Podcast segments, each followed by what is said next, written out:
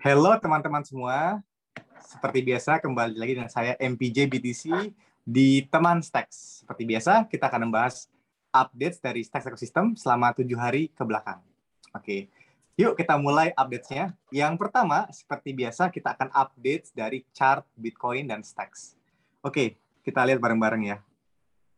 Untuk Bitcoin uh, di minggu ini agak lumayan segar ya, ada kenaikan sedikit yang mana di minggu lalu yang sempat drop di sampai di angka 19.000 dolar, sekarang sudah naik lagi di angka sekarang hampir mencapai uh, kurang lebih di angka 21.084 kayak gitu. Jadi lumayan lumayan besar lah kayak gitu kan. Uh, dolar kayak gitu. Nah, kemudian di stack sendiri itu ada peningkatan juga yang cukup signifikan sama seperti Bitcoin ya karena berkorelasi gitu Bitcoin dan altcoin lainnya, yang mana sempat di minggu lalu di angka 0,38 dolar, sekarang sudah menyentuh 0,40. Gitu. Bahkan sempat spike di angka 0,43. Jadi lumayan ada kenaikan nih guys gitu di minggu ini agak lumayan angin segar ya bagi teman-teman kayak gitu. Apalagi yang trading nih mungkin bisa jadi uh, apa ya menarik lah gitu buat buat trading minggu ini kayak gitu. Oke, okay, uh, seperti biasa selain chart, kita juga bahas updates-updates menarik dari ekosistem Stacks dan Bitcoin secara global. Oke, kita cek yuk apa sih yang baru di minggu ini kayak gitu. Sekarang kita masuk ke bulan Juli. Di bulan Juli ini ada banyak hal, -hal menarik. Yang pertama, uh, ngadain Twitter Space yang cukup besar ya, karena ini uh, ngebawa beberapa aspek dari mulai uh, pertama adalah Stacker DAO Lab, yaitu semacam platform yang mana dia itu uh, bikin tooling buat bikin DAO, kemudian juga ada di mana dia difunding sama Stacks Venture, dan uh, yang paling penting adalah Mega DAO ini yang dibawa dalam Twitter Space-nya itu jadi yang pertama customer pertamanya si Stacker DAO Lab kayak gitu. Jadi menarik banget lah banyak uh, ekosistem dari Stacks ini ber, ber apa ya gotong royong gitu untuk ngebangun uh, nge-launching si Mega DAO ini kayak gitu. Nah ini salah satu benefit kalau teman-teman ngebangun di Stacks kayak gitu. Di sini uh, yang jadi garis bawah adalah kita bisa bikin DAO yang mana basisnya itu adalah bukan apa ya, bukan semacam altcoin kayak gitu, tapi juga Bitcoin kayak gitu. Jadi DAO ini berbasis Bitcoin, dibangun di atasnya Bitcoin kayak gitu. Nah, Orlando BTC yaitu CEO dari Stacker DAO Labs itu menjelaskan macam-macam yang DAO ada di dalam stack sana kayak gitu. Jadi dia ngebahas di run through di Twitter Space-nya. Nanti juga teman-teman bisa lihat di rekaman Twitter Space-nya di Stacks Foundation ya atau di Stacks aja di Twitter at Stacks yang mana di situ dia bahas apa aja sih isinya DAO-DAO yang ada gitu kan. Ada invest ada investment DAO gitu kan yang mana dia mengelola aset kripto biasanya gitu kan. Ada juga yang dia lebih komunitas gitu kan. Uh, ada juga yang utility kayak gitu. Ada berbagai macam kayak gitu. Nah yang di sini itu uh, dia itu apa namanya ngebawa si Mega DAO ini gitu kan. Yang mana kalau nggak salah sini DAO-nya Megapon ya kalau nggak salah salah satu NFT terbesar gitu di ekosistem Stacks. Ibaratnya kayak board app nya Ethereum lah gitu. Nah, di sini yang menarik dari launchingnya Mega DAO adalah Mega DAO ini berbasis dari Stacker DAO Labs. Yang mana Stacker DAO ini dia tuh kayak platform yang general purpose yang mana dia itu bisa bikin DAO yang benar-benar on chain. Jadi kalau misalnya DAO-DAO yang lain votingnya tuh nggak on chain. Jadi votingnya tuh kayak off off chain, nggak di dalam blockchainnya. Tapi kalau di Stacker DAO Lab ini votingnya tuh on chain. Jadi uh, suatu proposal itu bentuknya itu adalah uh, smart contract. Jadi para members dari DAO-nya, jadi orang bisa ngusulin smart contract gitu. Hey, saya punya usulan seperti apa? Kemudian nanti di usulan itu dia bakal bisa kayak ada dampaknya. Misalnya apakah usulan itu misalnya kalau dia itu sebuah DeFi protokol bisa merubah parameter uh, lending rate-nya kah atau parameter fee-nya kah gitu kalau. Nah, itu bisa langsung dirubah pakai si DAO ini gitu kan.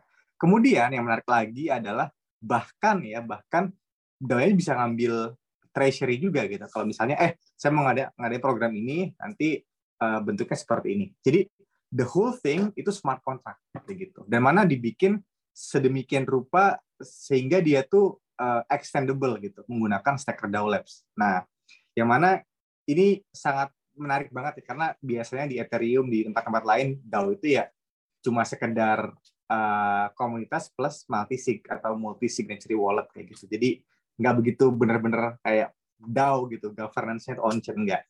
Nah, kalau di Bitcoin di Stacks ini on chain governance-nya kayak gitu.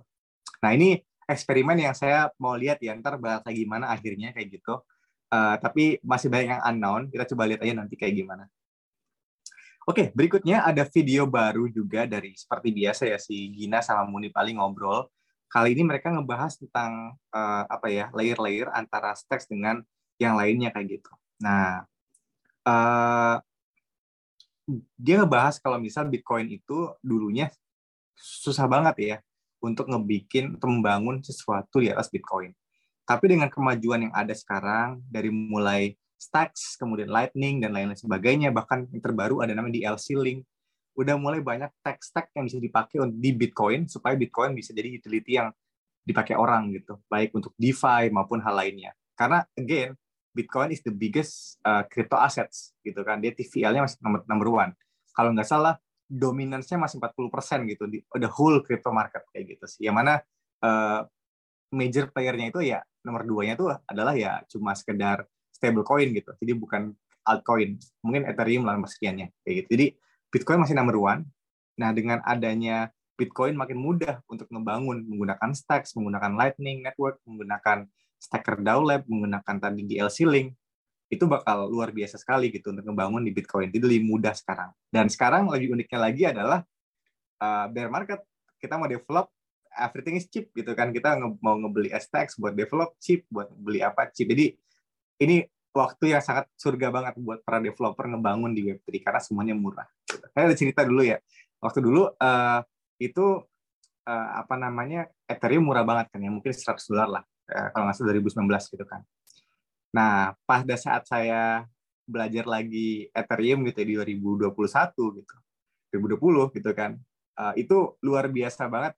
Uh, saya ngelihat ya, ada developer yang dia tuh bikin konten gitu kan namanya Austin Griffith gitu dia uh, developer dari, dari Ethereum Foundation yang dia tuh punya Ethereum banyak banget gitu karena apa karena pas lagi zaman zamannya bear market dia beli banyak Ethereum buat development gitu tapi pas dia pas lagi bull market dia banyak banget. Yang mana wih gila ribuan gitu. Ethereum jadi padahal buat developer doang kayak gitu.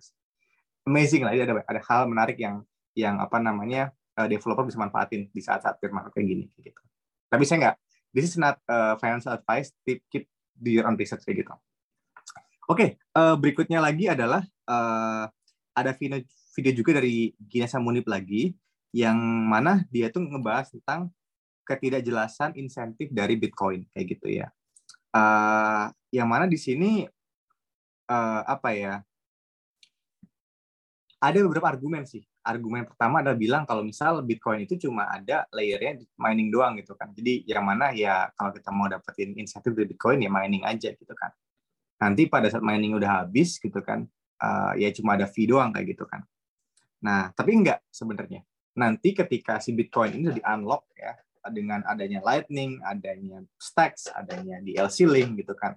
Banyak hal yang bisa dilakukan oleh Bitcoin yang mana nanti juga bisa membangun uh, another revenue to the protocol kayak gitu. Jadi uh, apa namanya yang tadinya orang bilang kalau uh, Bitcoin itu cuma bisa miningnya apa ya revenue-nya cuma dari mining doang itu enggak. Tapi di masa depan bebas utility-nya yang mana memberikan more incentive for people to mine the Bitcoin kayak gitu.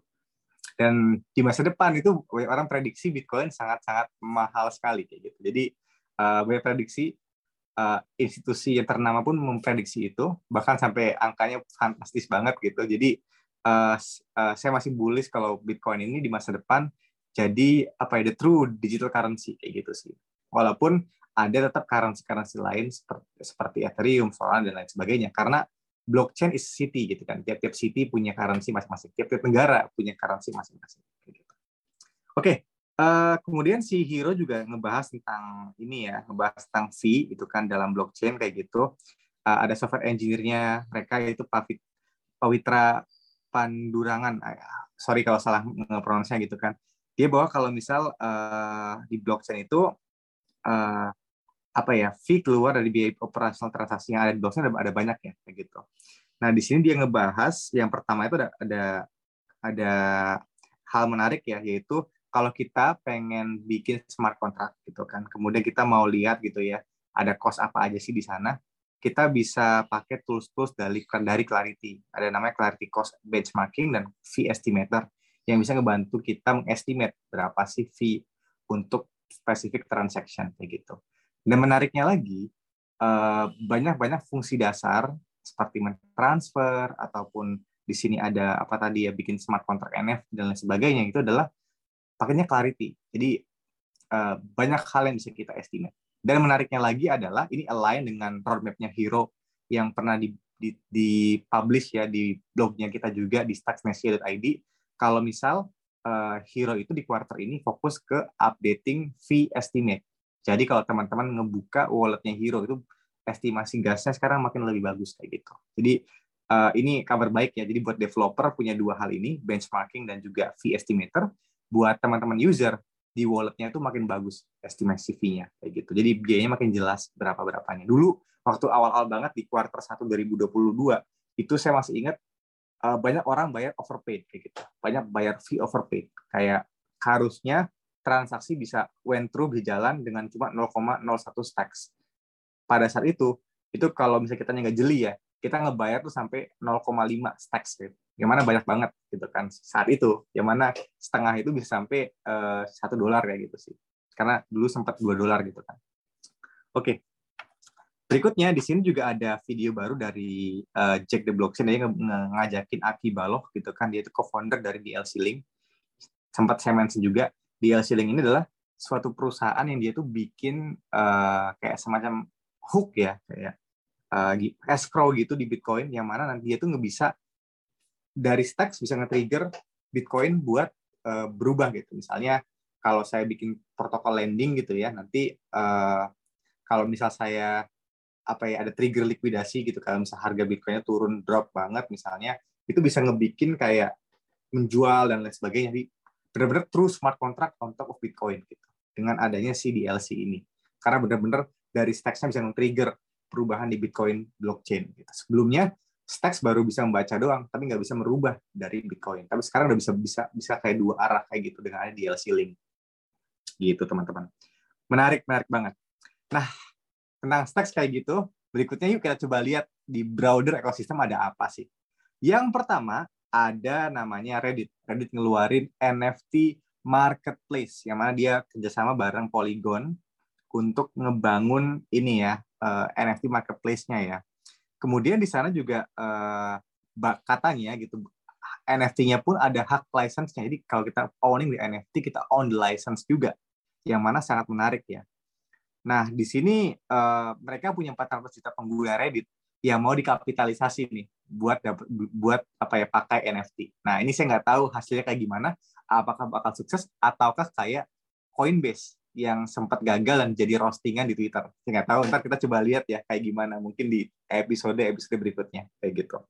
Nah, di sisi lain ada stablecoin baru yang mana basisnya bukan lagi USD tapi sekarang euro namanya EuroC. Jadi Circle yang ngeba yang ngebikin stablecoin USDC dia ngebangun namanya EuroC yaitu uh, stablecoinnya euro kayak gitu.